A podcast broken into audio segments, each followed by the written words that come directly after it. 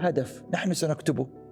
جيد بدون وجود معيار نحن نقيس به اذا ما معنى هذا الهدف؟ هو عبارة عن نية طيبة.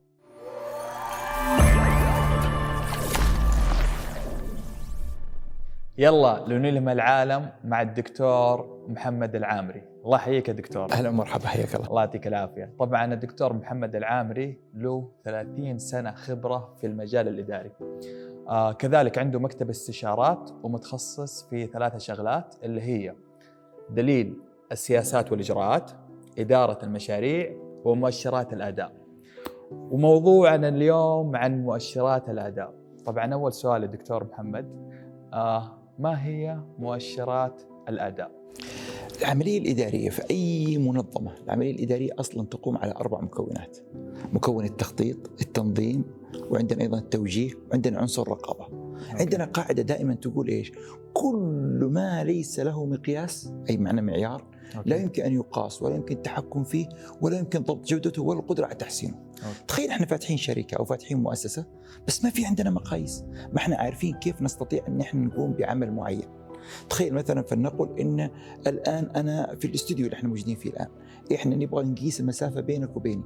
نبغى نعرف مثلا شدة الإضاءة. نبغى نعرف مثلا الصوت مزبوط ولا مش مزبوط أكيد عندنا مقاييس. صحيح. في مقاييس للإضاءة في مقاييس مثلا للمسافات في مقاييس للصوت. طيب في علم الإدارة كيف نقيس الأداء؟ أوكي. عندنا موظف جبناه ووظفناه وإحنا الآن كلفناه وجالسين ندفع راتب. طيب ليش؟ عشان يؤدي أداء. طيب مش معقول إن ننتظر حتى نهاية الشهر حتى نقول والله الموظف أدى بشكل جيد ولا لا. صحيح. اذا علم الإدارة بدأ يبني مقاييس عشان يستطيع يقيس الأداء قبل وأثناء وبعد. هذه المقاييس تطورت في علم الإدارة منذ عام 1905 بداية ظهور علم الإدارة. حتى اليوم وإحنا نطور في مقاييسنا عشان نتحول من وصفي إلى كمي. اليوم طلعت عندنا منظومة نسميها منظومة مؤشرات الأداء. اذا مؤشرات الأداء هي عبارة عن مجموعة من المقاييس في علم الإدارة تستخدم لقياس الأداء وذلك دائما تسمى مؤشرات الأداء سواء على مستوى الأفراد أو مستوى الأقسام أو مستوى المنظمة. ممتاز ممتاز. طيب آه الآن آه عشان آه إيش مراحل بناء المؤشرات؟ والسؤال الأصعب دائما وقت ما نجي نحدد مؤشرات الأداء نلقى مشكلة في القياس. يعني أنا مثلا عارف أنا كإدارة عارف انه راح أوصل المكان الفلاني لكن مرحلة القياس هذه بين فترة وفترة أواجه فيها مشكلة فنبى ناخذ المراحل وبعدين نبى نعقب على موضوع القياس. خلينا نفكر دائما هذا السؤال جدا رائع لأن هذا السؤال هو لب العمل أصلا في موضوع المؤشرات. خلينا نقسم أي منظمة إنه فيها عمليتين.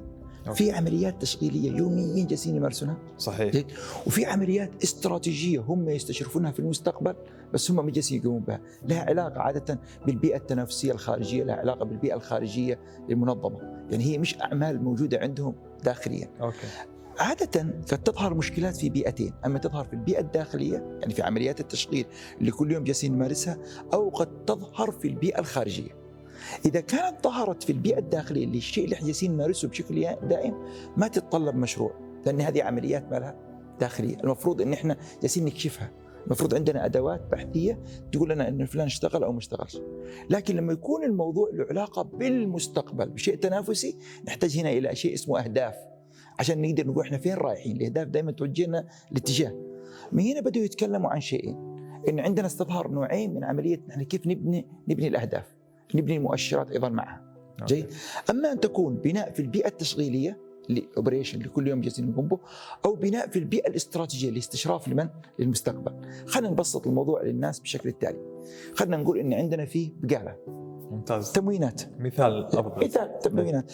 أنا الآن داخل التموينات أنا يوميا جالس أبيع وجالس أشتري. تنزل عندي الآن ألبان تنزل عندي الآن يعني بيض ينزل عندي الآن دجاج ينزل عندي الآن معلبات. فعندي مجموعة من الأشياء أبغى أعرفها. أنا كبائع في البقالة؟ أبغى أعرف مثلا متى أنزل طلبات اللي هي الأصناف كم عملية خزنها كم منها انباع كم منها باقي إيش الشيء المطلوب أكثر؟ جيد؟ فهنا أنا أحتاج إني أبني مؤشرات على عمليات تشغيلية. ممتاز. حلو؟ ولما أتكلم إنه لا أنا عندي بقالة أخرى بجنبي منافسين جالسين يجيبون أصناف أخرى. طب هم جالسين يتوسعون جالسين يرتبون بأشكال أخرى. إذا أنا جالس أستشرف من؟ مستقبل. فهذه بيئة اسمها بيئة من؟ استراتيجية استراتيجية. ممتاز. عادة الموظف اللي يكون شغله اوبريشن شغله عمليات اللي يبيع وينزل الطلبات وكذا ما راح يفكر معك في الجانب من؟ الاستراتيجي. لأنه هو مشغول بالعمليات الداخلية. عادة الأشياء الاستراتيجية اللي هي المنافسة ونكبر بقالتنا ونكبر عملنا يكون موجود عند الإدارة من؟ الاستراتيجية. جيد؟ ولذلك راحوا قالوا كالتالي إنه في عندنا الآن بنقول عندنا نوعين من المؤشرات. في عندنا مؤشرات أداء رئيسية. ماذا نقصد برئيسية يعني اللي نمارسها يوميا اللي إذا ما قمناش بالعمل ما راح يتم العمل كله جيد وفي عندنا مؤشرات نتائج رئيسية هذه اللي إيش؟ اللي إحنا ماذا سيحصل عندنا المحصلة الكاملة؟ الإدارة مهتمة أكثر بجانب مؤشرات الأداء الرئيسية، العاملين مهتمين أكثر بمؤشرات الأداء الرئيسية، فعندنا نتائج وعندنا من؟ أداء. طيب خلينا نقول إن عندنا الآن جينا بالبقاله دي وقررنا نحسن البقالة ونطورها. جيد. معلش بس عشان الأداء والنتائج. الأداء الإدارة العليا والنتائج الموظفين نتائج الإدارة العليا. النتائج الإدارة العليا. الإدارة العليا تفكر دائما في النتائج تبغى نتيجة. okay. عشان تعرف تتوسع تبقى. والأداء للموظفين. الأداء للموظفين okay. أسفل والمشرفين عليهم. ممتاز. العملية الإشرافية. ممتاز. عشان كذا نقول هذه مؤشرات أداء رئيسية وتلك نسميها مؤشرات نتائج رئيسية. إذا تعال نقول مثلا حصل عندنا الآن انخفاض في نسبة المبيعات في هذه البقالة. جيد. وبدأوا يشتكوا قالوا والله العملاء ما يجون عندنا يروح عند البقالة الثانية. وإحنا نبغاكم يا جماعة تساعدونا. هنا إحنا رايحين عندهم أول شيء سنقوم به سنقوم بعملية مسح للمنظمة نسوي عملية تشخيص للمنظمة أين المشكلة؟ هل المشكلة في البيئة الداخلية ولا المشكلة في البيئة التنافسية اللي هي أداء النتائج عندنا؟ إذا أول مشكلة عندنا نحدد. إحنا نتكلم عن أي مستوى؟ هل نتكلم عن عمليات تشغيل يومية أو استراتيجية. أو استراتيجية. لأن هنا الآن عندنا مهم. هنا تظهر عندنا كلمة اسمها كلمة الموائمة؟ أيضا سؤال هل عمليات التشغيل اليوميه تتوائم مع الاستراتيجية؟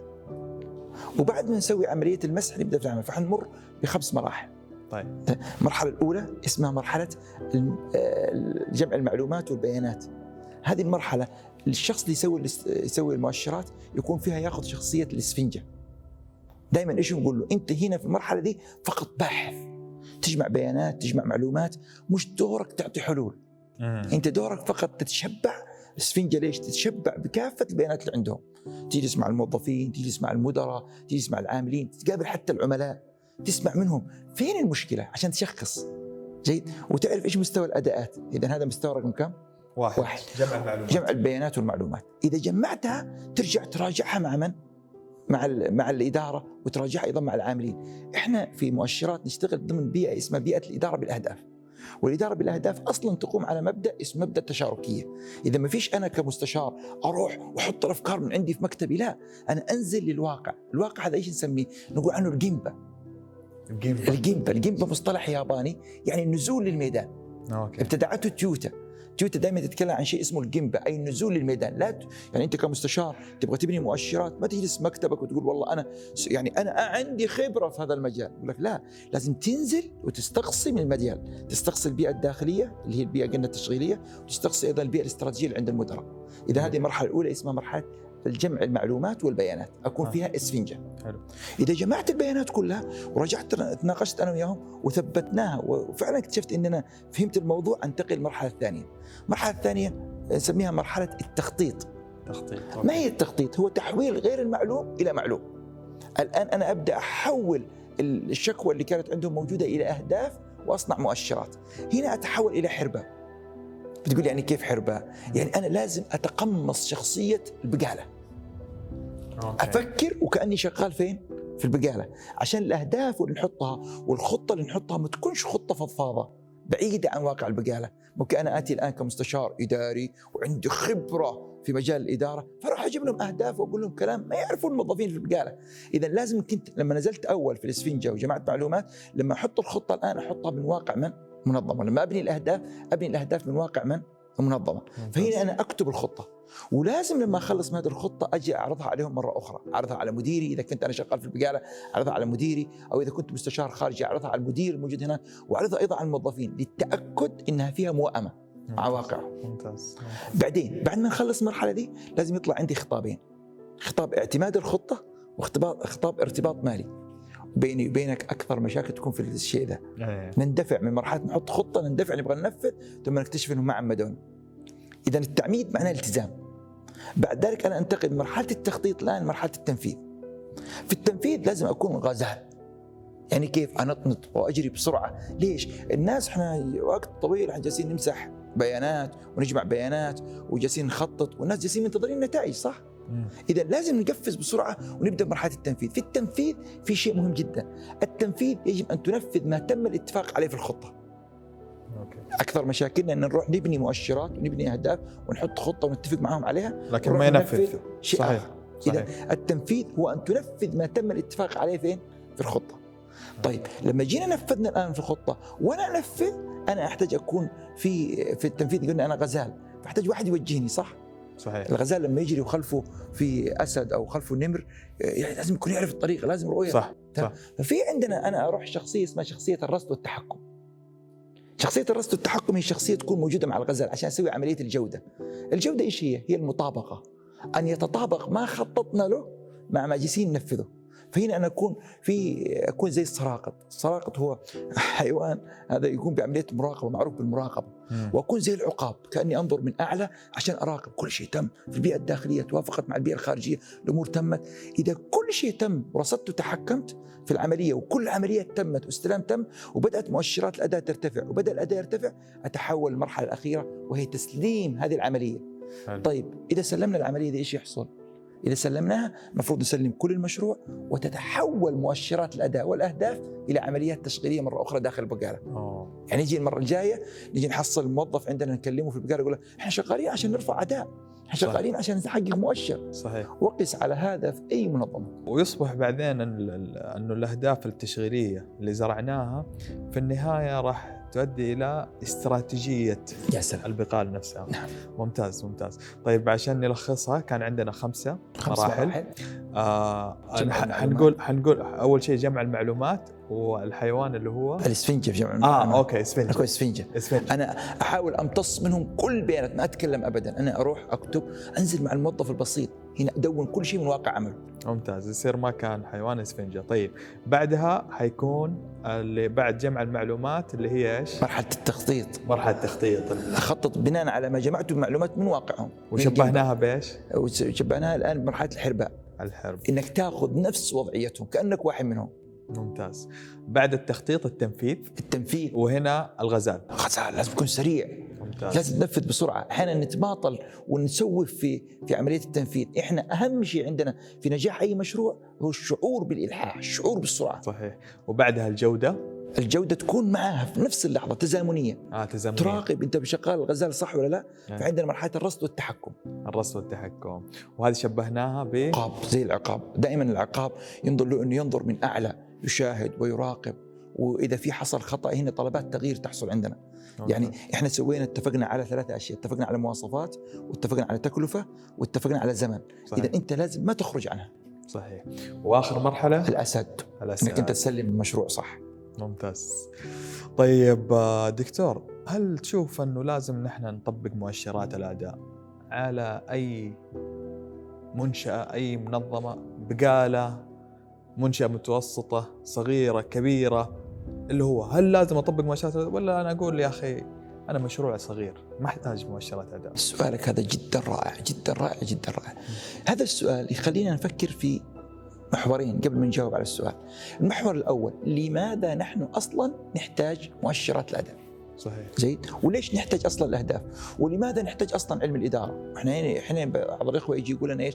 يا أخي أنا أصلا شغال والحمد لله وكونت حتى ثروة وناجح في أعمالي. صح أنتم اليوم جايين تقولوا لي علم إدارة وتخطيط وتنظيم وخطة واستراتيجية ومؤشرات. يعني أنتم سويتوا لنا زحمة. ما إحنا كنا ماشيين كويس. سؤال لماذا نحن نخطط؟ لماذا نضع مؤشرات أداء؟ أي منظمة أهم شيء لديها ثلاثة أشياء. حلو. واحد موارد تخاف الموارد حقها تتبدد. أقصد بالموارد فلوس وأقصد بها موظفين وأقصد بها إمكانيات عند المنظمة. وكم من منظمة فلست لأنها لم تستطيع أن تدير مواردها بشكل جيد. إذا رقم واحد إحنا ليش نخطط عشان نحافظ على ماذا؟ الموارد. على الموارد. رقم اثنين إحنا ممكن نكون شغالين ممتازين وكويسين بس منافسين سرعة سرعتهم أكبر مننا. إذا نحن نخطط ونضع مؤشرات عشان نقيس أنفسنا أيضا بالسوق. والمنافسين فين. رايحين؟ جيد. فنعرف الرتم اللي عندنا موجود. صحيح. رقم ثلاثة أي عمل لابد يكون فيه مشكلات ستظهر فيه مشكلات. فكرة أنك تتوقع أن عملك ما يكون فيه مشكلات لازم يكون فيه مشكلات. مؤسسة تبدأ صغيرة مؤسسة فردية بعدين المؤسسة تكبر وتتشعب ويصير عندك موظفين فأنت ما أنت قادر تتابع كل شيء. أنت تضع أهداف حتى تفوضها للعاملين وتخلي العاملين يصير عندهم قدرة على الحرية على الإنتاج. تشيل من عندك أنت الآن المهام وتعطيها لمن العاملين معك، إذا نحن نخطط ونضع إدارة علم الإدارة ثلاث أشياء. أشياء. أول شيء واحد الم- الحفاظ على الموارد. الموارد. الحفاظ على القدرة التنافسية والتشغيلية. القدرة على التفويض. ولذلك نسمي دائما علم الإدارة إيش نسميه؟ نقول عنه علم التأكدية. أن أتأكد أن كل شيء راح يتم في الوقت المناسب بالشكل المناسب وبالطريقة المناسبة بكفاءة وفاعلية. وبالتالي نيجي الآن نروح للسؤال الثاني. لماذا نضع أهداف؟ الأهد- التخطيط إيش هو التخطيط؟ والمؤشرات إيش هي؟ التخطيط والمؤشرات أصلا واحد اسمه هيربرت سيمون واحد من علماء الإدارة وضع نظرية اسمها نظرية القرار تكلم فيها عن حاجة اسمها أن القرارات نوعين. وإحنا لب عملنا في علم الإدارة القرارات اتخاذ القرار. أنا اليوم مثلا عشان أصور معك هذه الحلقة قرار. صحيح. عشان نختار موضوع قرار صحيح. عشان نختار التوقيت قرار عشان ننشرها قرار صح؟ صحيح. وقس على كده كل حياتنا عشان ألبس ثوبي قرار صح؟ عشان أفتح مؤسستي قرار عشان أوظف موظف قرار عشان أنتج منتج قرار. القرارات هي لب علم الإدارة. القرارات نوعين. هناك قرارات تشغيلية يومية إجرائية. فهذه قرارات نقول عنها قرارات مبرمجة. مم. وعندنا قرارات غير مبرمجة. مشاكل ظروف تحديات جالسه تقابلني. جيد. طب أنا ما أنا معقول إني أخلي الموظف البسيط اللي امكانياته بسيطه يتخذ هذه القرارات المصيرية؟ صح. إذا أنا أحتاج أضع مؤشرات وأتمرحل فيها لنقل قرارات من قرارات مبرمجة إلى قرارات غير مبرمجة. يعني من ما ليش أقصد. من غير مبرمجة إلى؟ المبر- المبرمجه صحيح. فالتخطيط هو عملية برمجة للقرارات برمجة للعمل. المؤشرات هي مراقبة لما نفعله آخر نقطة سأقولها الشيء التالي كل هدف نحن سنكتبه جيد؟ بدون وجود معيار نحن نقيس به إذا ما معنى هذا الهدف؟ هو عبارة عن نية طيبة فقط. أنا أريد أن أحفظ القرآن الكريم. طيب كيف تحفظ القرآن الكريم؟ متى ستحفظ القرآن الكريم؟ ما الآلية؟ ما أدري بس أنا عندي بالله إيش رأيك؟ إنك تحفظ القرآن الكريم. نيه إيجابية جيدة ولا لا؟ أنا أريد أن أبني بيت. أنا أريد اني أفتح مؤسسة. كل هذه عبارة عن نيات مالها طيبة. المعايير والمؤشرات هي اللي تخلينا نستطيع أن نضبط هل أنا قادر فعلا أحقق الهدف أم لا. كثير من نروح عند بعض الجهات نحصل عندهم خطط جميلة لكن هي غير منطبقة مع من؟ مع الواقع. ما لها علاقة بواقع المؤسسة ما لها علاقة بمعايير عمل المؤسسة طيب دكتور محمد كيف نربط الأهداف بالمؤشرات؟ مهم جدا إنه نفهم إن المؤشرات والأهداف أصلا موجودة في بيئة اسمها بيئة الإدارة بالأهداف. الإدارة بالأهداف هي الأساس. دركر لما بدأ يتحدث عن الإدارة بالأهداف ويتكلم عن عملية تشاركية. يعني المفترض أن يكون في عندنا جلسات وحوارات ونقاشات ما بين الموظفين العاملين في المؤسسة نفسها وما بين أيضا رؤساء الأقسام اللي من أجل بناء شيء اسمه ميثاق أداء وما بين أيضا من رؤساء الأقسام بأنفسهم وأيضا نسمع أصوات إيش الأصوات اللي عندنا لازم نسمعها؟ أربعة أصوات يجب أن نسمعها قبل ما نبدأ نبني المؤشر. نسمع صوت العميل، العميل ماذا يريد مننا؟ إيش الشيء اللي يتوقعه؟ إيش طموحاته؟ إيش احتياجاته؟ هذا صوت مهم جدا عشان لما نتكلم عن مؤشر هل إحنا فعلا جالسين نحقق طلبه ولا لا؟ نسمع صوت العمل، اللوائح والادله عندنا والسياسات وإجراءاتنا، ماذا يريد المدراء الإدارة العليا؟ إيش يبغون؟ أين نتجه؟ نسمع صوت العملية، الإجراءات اللي عندنا إيش فنيا علميا إيش المفروض يتم عشان ما نسوي مؤشرات ما إحنا منتبهين العملية كيف تتم نسمع صوت الموظف الموظف. ماذا يريد ماذا يحتاج بعد ما نسمع هذه الأصوات كلها نبدأ الآن. نبدأ الآن نكون- نسوي عملية شراكة. سنبدأ عندنا طريقة. الاهداف تبنى من أعلى إلى أسفل. يبدأ اولا كتابة هدف اسمها اهداف الغايات. اهداف الغايات عادة هي موجودة في الترخيص حق المؤسسة. ممتاز. هدف الغايات هي سؤال. لماذا المؤسسة قائمة؟ أي مؤسسة الآن عندنا لو رجعنا لبقالتنا اللي كنا نتكلم فيها عندها سجل تجاري في السجل التجاري ما هي الأنشطة المسموح بها؟ صحيح. اذا المفترض ما أخرج عن هذه، أوكي. يعني أنا أنا أنا بقالة تموينات، ما تلقاني أسوي تدريب للجمهور،. أنا مثلا بقالة تموينات، ما تلقاني أبيع كتب مكتبة وأبيع كتب مش من أنشطتي،. اذا لابد أركز على من على النشاط اللي عندي، ما أسوي عيادة طب طبية، اذا أنا أركز على أنشطتي، اذا نحدد اولا ما هي الغايات الكبرى، حلو. لما نحدد الغايات الكبرى نبدا نستخدم حاجة اسمها اليوم نتحدث عن شيء اسمه OKR OKR معناها إيش هي؟ ال O معناها ال objective إيش الهدف الكبير صح. اللي إحنا نريده. تمام ال key جاي من إيش؟ إنه رئيسي تمام صحيح وال R جاي من result اللي هي. عبارة عن النتائج الرئيسية فنقول أنا حددت هدف الغاية هذا هدف الغاية اللي ابغاه في البقالة حقي وأبدأ أجتمع الآن مع مدراء الإدارات اللي عندي والأقسام أقول لهم يلا يا جماعة أعطوني مبادرات أعطوني مشاريع عشان تخلوا البقالة حقي يكون عندها قدرة تنافسية. جاء مثلا حق المستودع قال والله يا أخي إحنا السنة دي نبغى نسوي مشروع عشان المستودع عندنا لازم نسوي باركود ولازم نسوي تصنيف ولازم نسوي تخزين بشكل أفضل، التخزين بشكل أفضل يكون يعطينا أفضل، إحنا أول كنا نخزن داخل البقالة، المره دي نبغى نسوي مخزن مخزن مركزي، اذا هذا مشروع. مم. قال مثلا حق التسويق قال والله إحنا المرة دي نبغى نسوي اتفاقيات مع مجموعة شركات عشان يصير عندنا طلب عن بعد وكيف نقدر نسوي هذا مشروعي. جاء واحد مثلا حق عملية الشراكات قالوا أنا بسوي شراكات مع شركات وأجيب موردين جدد قلنا لهم يلا أعطونا كل واحد منكم مبادرتكم هذه أعطونا على شكل مشروع اكتبها وصيغها لنا فطلع عندنا أهداف اسمها أهداف العامة لا فالعام. إذا اهداف عامة مجموعة مشاريع تحقق أهداف الغايات ممتاز. لاحظ معي الآن الهدف الغايات كنا نتكلم عن أو كي ار الآن راح نتكلم عن مؤشر آه، لكل هدف. فنستخدم عن مؤشرات نتائج. نتائج. هذا تعال. هذا إيش يسموها؟ يعني نقول عنها مؤشرات نتائج. okay. جيد. فنستخدم الآن معها مؤشرات key result جاي من result okay. نستخدم الآن معها اللي هي الآن مؤشرات نقول تعال نقيس. كم فعالية مشروعك؟ كم كفاءته؟ اللي تكلمنا قبل شوي عنها القياس المباشر والقياس الغير مباشر. okay. والمهم هنا جدا أن نتوازن في في الكم والكيف. اللي هي الكفاءة والفاعلية. بعدين بعد ما نخلص ننزل الآن على مستوى من؟ المشرفين. نقول لكل مشرف اعطينا الآن كيف تحول المشروع إلى خطة تشغيلية. إجراءات. من سيقوم بالعمل؟ والساعة كم سيقوم به؟ وهنا نحتاج إلى إجابة على سؤالين. ماذا نفعل؟ وكيف نفعل؟ ماذا نفعل؟ معنى فاعلية. تقاس بمعادلة عدد الأهداف المحققة تقسيم إجمالي عدد الأهداف المرصودة ضرب 100 ما في عندنا غير هذه المعادلة. معادلة بسيطة. فالموظف مثلا عنده 10 أهداف. نفذ منها سبعة.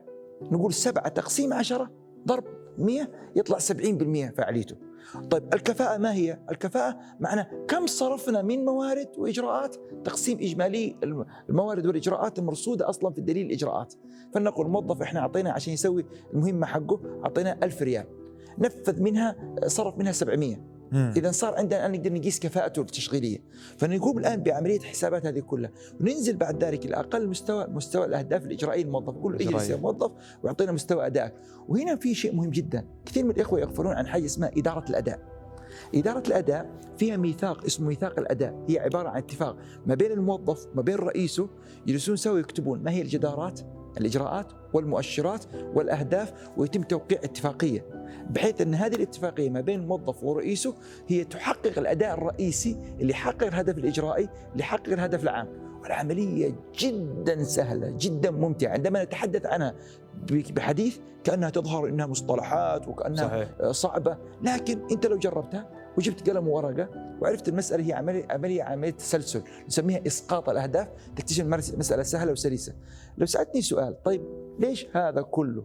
عشان نحط راسنا يا أخي على المخدة وننام يعني كم مرة تلقى المدير جالس يبغى ينام بس مشغول مين بيسوي كذا؟ مين بيفعل كذا؟ طب بكرة عندنا اجتماع حد خطط له؟ طب آه، فلان مع. أحيانا نوظف ناس ونقوم إحنا بعملهم. صح.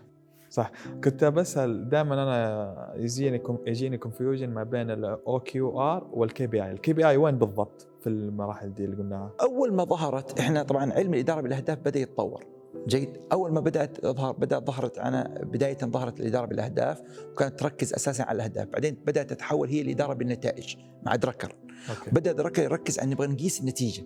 لأنه اكتشف دركر لما نقول الاداره بالأهداف إحنا نتكلم عن عمليات تشغيلية. مم. لما نتكلم عن الإدارة بالنتائج إحنا جالس نتكلم عن النتيجه الاخيره إحنا نتكلم. عن ربط التشغيلي مع الاستراتيجي. صحيح. خلاص؟ بعدين حصل متغير جديد. متغير جديد ذكر ظهر عندنا شيء اسمه سمارت بده يتكلم عن قياس الهدف راح التركيز على الهدف. لما دخل الموضوع التقنية أنظمة ERP ظهرت عند جوجل ظهرت عند مايكروسوفت. بدأوا يلاحظوا شيء عجيب. إيش هو؟ لما يجوا عند أحد المدراء يقولوا له أعطينا أهدافك. طبعا أنا مبرمج. ما أنا ما أنا أنا مبرمج مش علم إدارة. جاء عند أحد الموظفين مدير مشرف على الموظفين قالوا اعطينا الأهداف. قال الأهداف أن نبيع أكبر كمية. ما يقاس. طيب أن نكون متميزين على مستوى المنظمات. صح ما يقاس. صحيح. فبدأوا هم المبرمجين يقولوا طب أعطينا كميات عشان إيش نسوي؟ نقيس عليها. صحيح. فوجدوا المبرمجين في جوجل إنهم بحاجة إلى توجه جديد. فظهر شيء اسمه ال OKR ال OKR معناه هي عبارة عن طريقة جديدة تختلف عن الطريقة السابقة. هي هي ما الفرق بين المؤشر وما بين ال OKR؟ الفرق الشيء التالي ال OKR راح يقول لك إحنا فين رايحين؟ يركز على إحنا فين رايحين. المؤشر يقيس إحنا كيف نصل هناك. ممتاز جيد؟ يعني أنا الآن أريد ممتاز. مثلا أتجه من الرياض القصيم فأنا حددت الهدف حقي OKR جالس اتكلم عن شيئين. أو إحنا فين رايح؟ يعني objective فأنا هدفي الوصول إلى القصيم من الرياض إلى القصيم. جيد؟ key result ليش لماذا تريد أن تذهب للقصيم؟ أنا أريد أن أصل القصيم أني عندي اجتماع يوم الأحد الساعة 8 مع آه، شركة سين وأريد أن يكون عندي هذا الاجتماع تكون معي في آلية تسويق وكذا فأنا أتحدث عن نتيجة. لكن ما تكلمنا أنا بروح طيارة ولا بروح سيارة؟ أنا رايح سيارة بروح الساعة كم؟ وساعه سرعتي كم؟ وكم التكلفة حقي؟ وكم مقدار وصولي هناك؟ هذه تبدأ المؤشرات.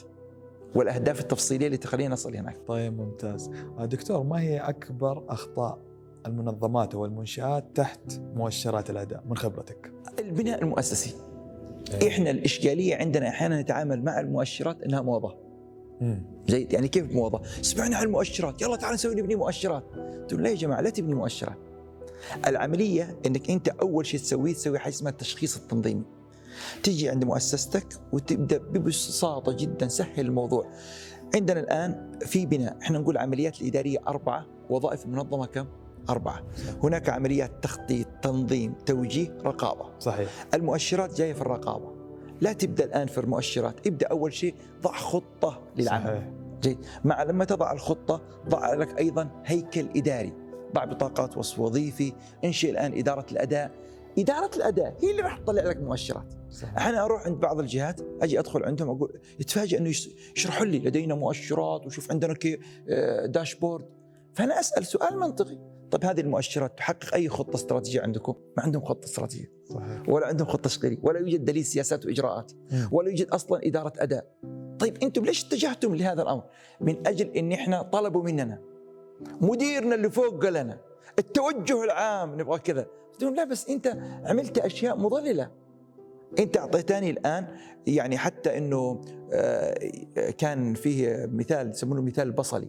إيش البصلي؟ أنت لما تروح أي منظمة تشوف القشرة الخارجية لمن؟ للبصلة، صحيح بس ما تعرفش اللي داخل. صح صح نفس الشيء المنظمة المؤشرات المفروض إن هي تعطيك الق- الغطاء الخارجي بس الداخل اللب اللي هي الدله السياسات والإجراءات آه، الأهداف يجب أن تكون موجودة أختم كلامي في هذه النقطة شيء مهم جدا المؤشرات ليس عملية سرية يعني آه أنا المدير وحدي ونحل الواجب صح، واسويها صح، وحدي. صح. الأصل في المؤشرات أنها عملية تشاركية تخلق نقاش وتخلق حوار داخل المنظمة والكل يشارك فيها. ال involvement لازم اللي هي آه، بحيث أنك تشركها ومثل ما كنا نتكلم آه، قبل اللقاء اللي هو موضوع أنه بعض الأحيان آه، ممكن لمدة سنة متكاملة آه، أشوف ال KPI أشوف المؤشر أنه دائما لونه أخضر. فأروح أقول والله بدل 10 مشاريع مثلا أبغى 12 مشروع لأنه بس جالس أنظر للكمية. لكن لما أشركها مع مثلا رئيس القسم مع الموظفين يقولوا لي ترى والله ممكن الجودة تنزل. أو والله ما عندنا مشكلة إنه نحن نروح مع عدد المشاريع 12 لكن هنا بهذه الطريقة ممكن حليت موضوع الثقافة الكلتشر إنه أقنعتهم أنا. في عندنا تحدي آخر حقيقة خلينا نقوله كذا يعني إحنا كنا نقول زمان إنه في بعض الإخوة ما يحب يتدرب بس يحب ينفذ. هذه إشكالية كبرى. المؤشرات بحاجة إلى عملية تدريب. تدريب لكل المنظمه الرئيس العام. الناس الشغالين في المؤشرات. إحنا أول ما نجي في أي دورة في المؤشرات أول ما نبدا نشرح تتفاجئ الاخ إيش يقول أنا أعرفها أعرفها. خلينا نبغى ننفذ. أنا مديري طلب مني وأنا المفروض مني أسوي أبغى بسرعة بسرعة أخلص. يا أخي ما ينفع هذا الكلام. لازم إحنا خاصة المؤشرات صحيح. هي عملية بنائية. لأنه المسألة مش نبني مؤشر. مسألة كيف نخلي الناس ينخرطون فينا وكيف نحسن الأداء. ولذلك نقول رجاء تعالوا في المؤشرات نتكلم بطريقة علمية. نبدأ اولا نتكلم عن علم الإدارة، العمليات الإدارية، العمليات الإنتاجية، كيف تدير المشروع، كيف تسوي دليل سياسات إجراءات، كيف تبني مؤشر عشان يكون عندنا حوار، المؤشر ليس مجرد إنك تعرف كلمات إنجليزي وتستعرض صح صح صح. آه أنا عندي داشبورد لا أنا عندي بنش ماركت المؤشر ليس هكذا. المؤشر في الأخير ليس هدفا ليس هدفا. المؤشر مجرد وسيلة. الهدف الأساسي تحسن الأداء داخل المنظمة. فوجود أجمل داشبورد وجود أفضل مؤشرات. وجود شخص يستخدم كلمات بالإنجليزي أو غير إنجليزي لكن الأداء لا يتحسن. إحنا ما حققنا شيء.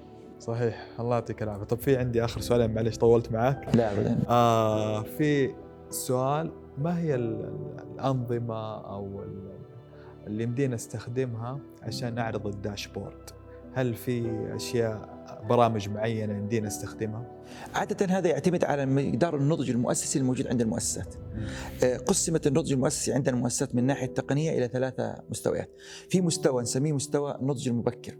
إحنا كذا يعني نقول يستخدمون Excel ما زالوا يستخدمون يعني Excel ونماذج كل واحد يسوي نموذج وحده يعمله هذه مشكلتها إنها ما تسوي تشاركية والقياس فيها قياس بشري يعني ممكن يدخل واحد ويحط الرقم اللي يبغاه ويرفع التارجت. يعني تمشي الأمور صحيح. فهذه نسميها من النضج المبكر. نفرح بها ليش؟ لأنه أقل شيء انتقلنا من إنه كان كتابي إلى إنه صار عندنا شيء ما له رقم. نتجه بعد ذلك إلى مرحلة رقم اثنين مرحلة انظمه تطبيقات. اليوم في تطبيقات موجودة كثيرة موجودة على الإنترنت تسوي عملية تطبيقات وتعطي المؤسسة عمل. حتى المؤشرات يجب أن ترتبط بجانب يسمى النظام المالي. في عندنا إدارة مالية وإدارة محاسبية. أما الأفضل هو وجود نظام اي ار بي اي ار بي اي ار بي هو عبارة معنى ERP هو عبارة عن نظام تخطيط موارد المؤسسة.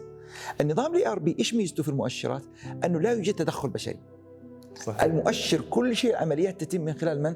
النظام. وبالتالي هنا العملية تتم بمصداقية بمنهجية أكبر نحن نقوم بتغذيته. لا يوجد عندنا على مستوى العالم حتى الآن أي نظام هو بنفسه يخطط. البشر موجودين نحن نزود النظام نزوده بما بالخطة ونعطيه الأهداف حقنا ونعطيه أيضا توجهاتنا ونعطيه مؤشراتنا كمعادلات صياغية. ولكن النظام ال ERP الجميل فيه إنه يعطيك استعلامات. استعلامات عن كل شيء تستطيع أن تخلق استعلام واستعلام واستعلام حتى تحصل على المعلومة التي أنت تريدها. ممتاز، طيب دكتور في الختام نبغاك بس تعطي للجمهور أي نصيحة آه، لأصدقاء قناة لنهم العالم. اليوم نحن في عالم جديد عالم متسارع الأحداث عالم فيه التنافسية في حدتها. اليوم عملية التوظيف أو الحصول على وظيفة أو النجاح لمؤسساتنا كله يعتمد على المعرفة. فرانسيس بيكون يقول عبارة المعرفة قوة. كل ما كان عندك معرفة أكثر كل ما تعلمت أكثر كل ما استثمرت في المورد البشري كل ما استطعنا أن ننجح أكثر. اليوم السباق عندنا هو كيف تستطيع أن تفعل علم الإدارة من خلال التقنية للوصول لأهدافك. من أجل شعور أفضل نفسية أفضل حياة أفضل شركة أفضل يجب أن يكون عندنا تعلم أكثر. ولذلك نحن نشكركم على متابعة مثل هذه القناة وحقيقة أشكر فريق العمل هنا على اهتمامهم بمثل هذه القضايا واستضافتهم شخصيات متنوعة وإنارتهم بنا. ما أجمل أن يكون لدينا قناة مثل هذه القناة تهتم فعلا بعمل آه، توعوي عمل تعريفي جاد من خلال الطرح فيه. شكرا لكم. طيب آه، دكتور محمد الله يعطيك الصحة والعافية. ما قصرت ولقاء جدا مثري. نباك بس في النهاية تقول آه، شعار القناة. يلا لنلهم العالم بإذن الله سبحانه وتعالى أبناء وطننا جديرين بإلهام العالم، نحن بإذن الله سبحانه وتعالى سنلهم العالم بكم أنتم بحضوركم بتابعه هذه القناة، يلا بنا نلهم العالم. يلا نفيد المجتمع هذا الفيديو صنع لكم من القلب. والله من القلب. سلام يا حبايبي.